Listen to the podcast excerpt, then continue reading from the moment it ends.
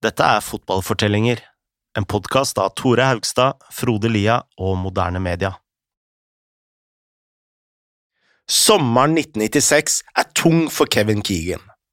Han sitter hjemme i ti dager og føler seg både tom og utslitt.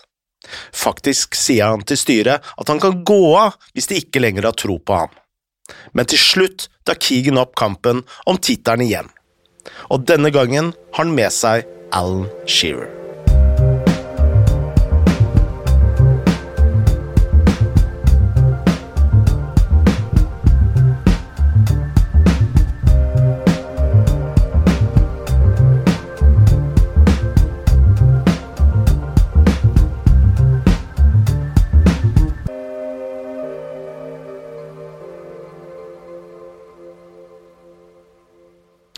Kampen om Alan Shearer var enormt viktig.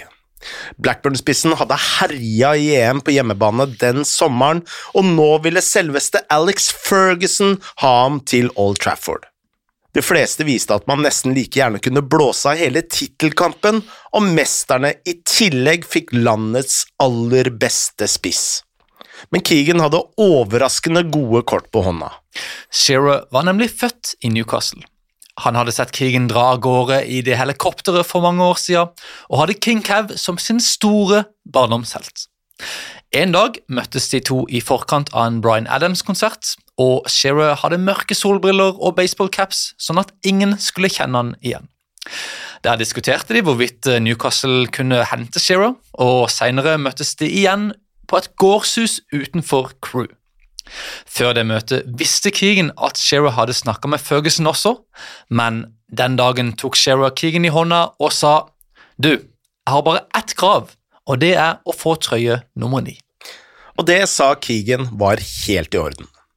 Nå måtte han bare få Les Ferdinand til å gi fra seg det magiske nummeret, og Les var lettere sjokkert over dette, men han gikk til slutt med på det så sant han fikk trøye nummer ti. Dermed måtte Keegan få Beachley til å gi fra seg sin trøye.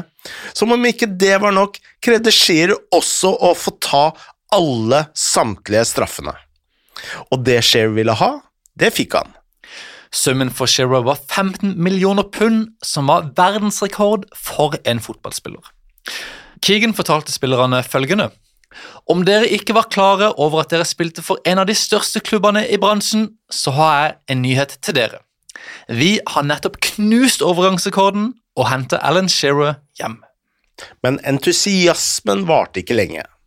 Da Newcastle møtte Manchester United i Charity Shield, ble de banket gule og blå med 4-0 i sekken. Da Premier League starta, tapte Newcastle to av de første tre. Planen var at de skulle være bedre med Shearer og Ferdinand på topp, men Ian Murtog lurer på hvor nødvendig storkjøpet egentlig var. You know something? This is quite controversial because Alan Shearer, despite being a world record signing, fifty million pounds, are one of the greatest players in the history, if not the greatest. Newcastle did not need Alan Shearer in the summer of '96, but what they needed even less was Manchester United signing Alan Shearer. If you look at that Newcastle side that lost the title. He had Les Ferdinand, Peter Beard, you know. Peter Beard, he was in his 30s by this stage, and they had Tino Asprilla.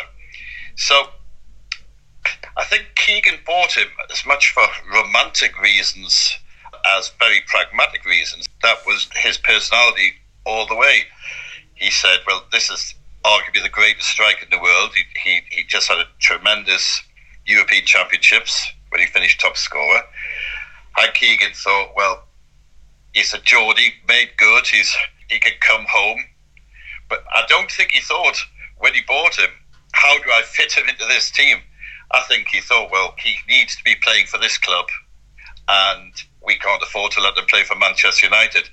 So, you know, at that stage, Newcastle, they probably had too many strikers. Alan Shearer went on to become Newcastle's record-breaking goal scorer, and you certainly wouldn't question the move. But at the outset, I think his prime reasons for, for signing him weren't because Newcastle was short goals. It was because he was desperate Manchester United didn't get him, and he thought it's created his romantic dream of the Geordie coming home. Men hva enn som er sant om Shearer, så slo Newcastle tilbake den sesongen. De vant de neste seks i ligaen, og så kom Manchester United på besøk. Keegan hadde fortsatt vondt etter tapet i Charity Shield, og idet fansen strømma inn på tribunene på St. James' Park, så sa han til spillerne at hei, dere skylder disse folkene noe i dag. Og så snudde han seg på en femøring og marsjerte ut garderoben. Newcastle løp ut og slo Manchester United 5-0 med et drømmemål av Philip Albert, som chippa ballen lekent over Peter Schmeichel. Dette er kommenteringen fra Sky Sports. Oh!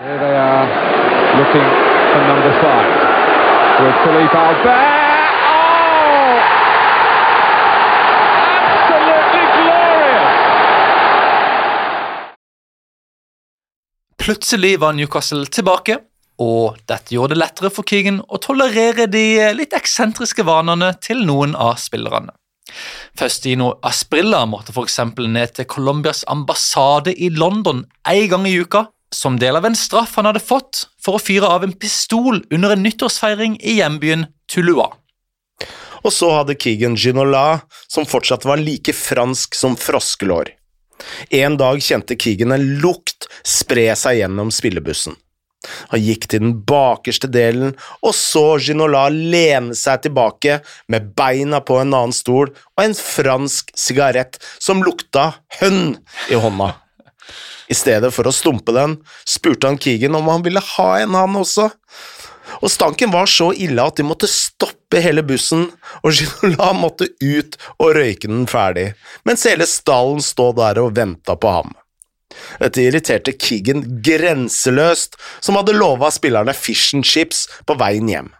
Da Ginola endelig hadde røyka ferdig, snudde Keegan seg og gikk mot bussen igjen, før han hørte en liten lyd. Han snudde seg og kunne ikke tro det han så. Ginola hadde nettopp fyrt opp en ny sigarett. Dessverre for Keegan så klarte ikke Newcastle å følge opp 5-0-triumfen. De gikk syv strake nå uten seier, en rekke som endte med tap mot Blackburn på Boxing Day. Og nå kjente Keegan at han ikke lenger koste seg så veldig i jobben. Det hjalp heller ikke at Newcastle var i ferd med å bli satt på børsen, noe han følte endra prioriteringene til direktørene. En dag i januar kom nyheten ut. Kevin Keegan hadde sagt opp som manager for Newcastle United. Og vi spurte Ian, som var journalist på den tida, var dette overraskende? Absolutely. It, it was. You didn't think you'd, you'd be reporting on a bigger shock than Andy Cole leaving, but this was. And uh, there were one or two rumours, but as a journalist, you couldn't stand them up. And it, it was almost so outrageous to, to ask people, is Kevin Keegan leaving? You thought you might get laughed out of court. Funny enough, someone at a golf club uh, where my auntie was played at, she was saying, "Oh, I've heard Kevin Keegan's leaving." So you know, she'd heard it probably from Keegan's wife Gina or something. But but yeah, absolutely. When when it happened, when it was confirmed, you know, it, it was a spatial story, and and I, I, I remember we getting into work, and the editor of the journal saying, "Right, we're going to do a 24-page pullout." And we were literally at work till after midnight, and I remember the editor for, for the sports desk bringing pizzas in for us, you know, because we were working so hard. But yeah, it was it was incredible. It was the talk of of, of, of every football fan almost in the world. And I think I, I covered the next game when Terry McDermott was in charge at Villa Park, and there were all sorts of rumours why Keegan left, and of course he didn't tell people. Uh, there was talk with the club becoming a PLC, and he uh, he did he didn't like that. There was talk that he, he wanted to sign somebody and wasn't allowed to, and but it wasn't until his book came out a, a year or two later. I mean, he was very critical of a guy called Mark Corbidge who'd come in to, to handle the, the club going into becoming a PLC, and suddenly the financial constraints got to Keegan. Dette var jo en dramatisk utvikling etter storseieren mot Manchester United. Så hva hadde egentlig gått galt den sesongen? Kevin Keegan wasn't quite the same after the loss of title. he carried the mental scars. It, it, it hit him very, very hard. I've talked about euphoria and a feel good factor in previous seasons. That scaled new heights when Alan Shearer signed, and uh, his press conference, the workers from the local brewery were invited to sit in the stands. There were thousands there. I remember I was petrified taking the microphone, asking a question in case the fans behind me booed. It was incredible, but Newcastle done a tour in the Far East, and, uh, Keegan didn't go with the rest of them because he stayed behind to sign Shearer, and they flew out later. Now, I was speaking to one of the players quite recently. Now, the player I spoke to, he, he thinks the tour to the Far East had left them shattered. And he said, you know, we we weren't. Yes, we were prepared for the season, but our bodies were almost over prepared. You know, we we weren't at our best. Nå måtte Newcastle få inn en ny trener. Det gikk for Kenny Douglas, som hadde ført Blackburn til tittelen, og det betydde at Newcastle endra seg. He did seem to be the perfect appointment, and at the time, people thought, well, this is excellent. We've got another big name manager, but somebody who has won the title with Liverpool and with Blackburn. So if we keep the best bits of Kevin Keegan and add the best bits of Kenny Dalglish, how can we fail? That was that was the view. The football did change. David Ginola was never the same player. Now the previous summer, Barcelona, he'd only had one year at Newcastle, but he'd been so good Barcelona came calling. And Keegan persuaded him to stay at Newcastle. So when Keegan left, I think Ginola felt a little bit betrayed. And uh, he thought, well, Keegan told me to stay, but he's not staying. So Ginola never really hit it off with Dalglish. Having said that, yes, the football did change and, and it became more. Prop- I would. Uh, it's oversimplification to say more defensive, but it became more pragmatic. They, they, they, they weren't as cavalier. Although there were some famous performances, they beat uh, Leicester 5 4 when Alan Shearer scored his first St James's Park hat trick. It was a great comeback. And on the last day of the season, and people forget this, Newcastle finished second again. And uh, they beat Nottingham Forest 5 0, and that got them qualification into the Champions League. So it wasn't a case of, of going immediately from feast to famine. But yes, of course, there was a change. And the other thing, you know, Kenny Dalglish wasn't he was hugely charismatic, arguably a better footballer than Keegan, but he was never going to um, hold court at a press conference the way Kevin Keegan did, you know. Newcastle slo faktisk Leicester 4-3 den sesongen, og ikke 5-4, men det endrer jo ikke stort. Daglish losa laget gjennom til en fin andreplass, og på sommeren forsvant mange medlemmer av The Entertainers. Ut gikk Ferdinand, Elliot, Beresford, Beachley og ikke minst Ginola. Men så blei Alan Shearer skada frem til januar, og uten verken han eller Ferdinand tørka målene opp. Utenom en minneverdig seier hjemme mot Barcelona i Champions League, så sleit Newcastle tungt. De havna på 13.-plass i ligaen og skåra 35 mål, som var færre enn alle de tre lagene som rykka ned. Det skal sies at de nådde FA-cupfinalen mot Arsenal på Wembley, men den ble bare en påminnelse om at en storhetstid var forbi. He, sold Les Ferdinand controversy, brought in Jon Dahl Tomasson. He wanted to partner with Shearer, but he lost his confidence early on because he was asked to play the more positive, uh, more upfront role. So, and then a couple of old timers, Ian Rush and John Barnes, came along with Stuart Pearce, and it, it wasn't quite the same. And I think if you're wanting to name a point where the, the entertainers label was officially buried, I would argue it was in the second half at Wembley with Newcastle losing 2 0 to Arsenal, who won the double that year, Arsene Wenger's great side, and the Newcastle fans singing attack, attack, attack, attack, attack, because they weren't attacking. They were 2 0 down they were still in a in a in a straight jacket, and you know this was seen as Kenny Dalglish's side, who had now lost their Keegan-esque qualities. So, if the entertainers started that game against Sheffield Wednesday in September 1993, I think it died at Wembley, at the old Wembley, in May 1998. Denne sesongen til tross er det ingen på Tyneside som noen gang vil glemme Kevin Keegans underholdere.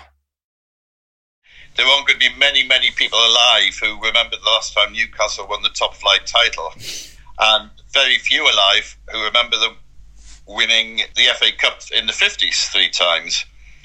You've got to be of pensionable age or in your 70s to remember them winning the European Intercity Fairs Cup. And of course, even for the, the Keegan side, you've got to be born, I would say, 1980. So, yeah, you, are going to have to be over 40 years old, really, to, to, to remember that side.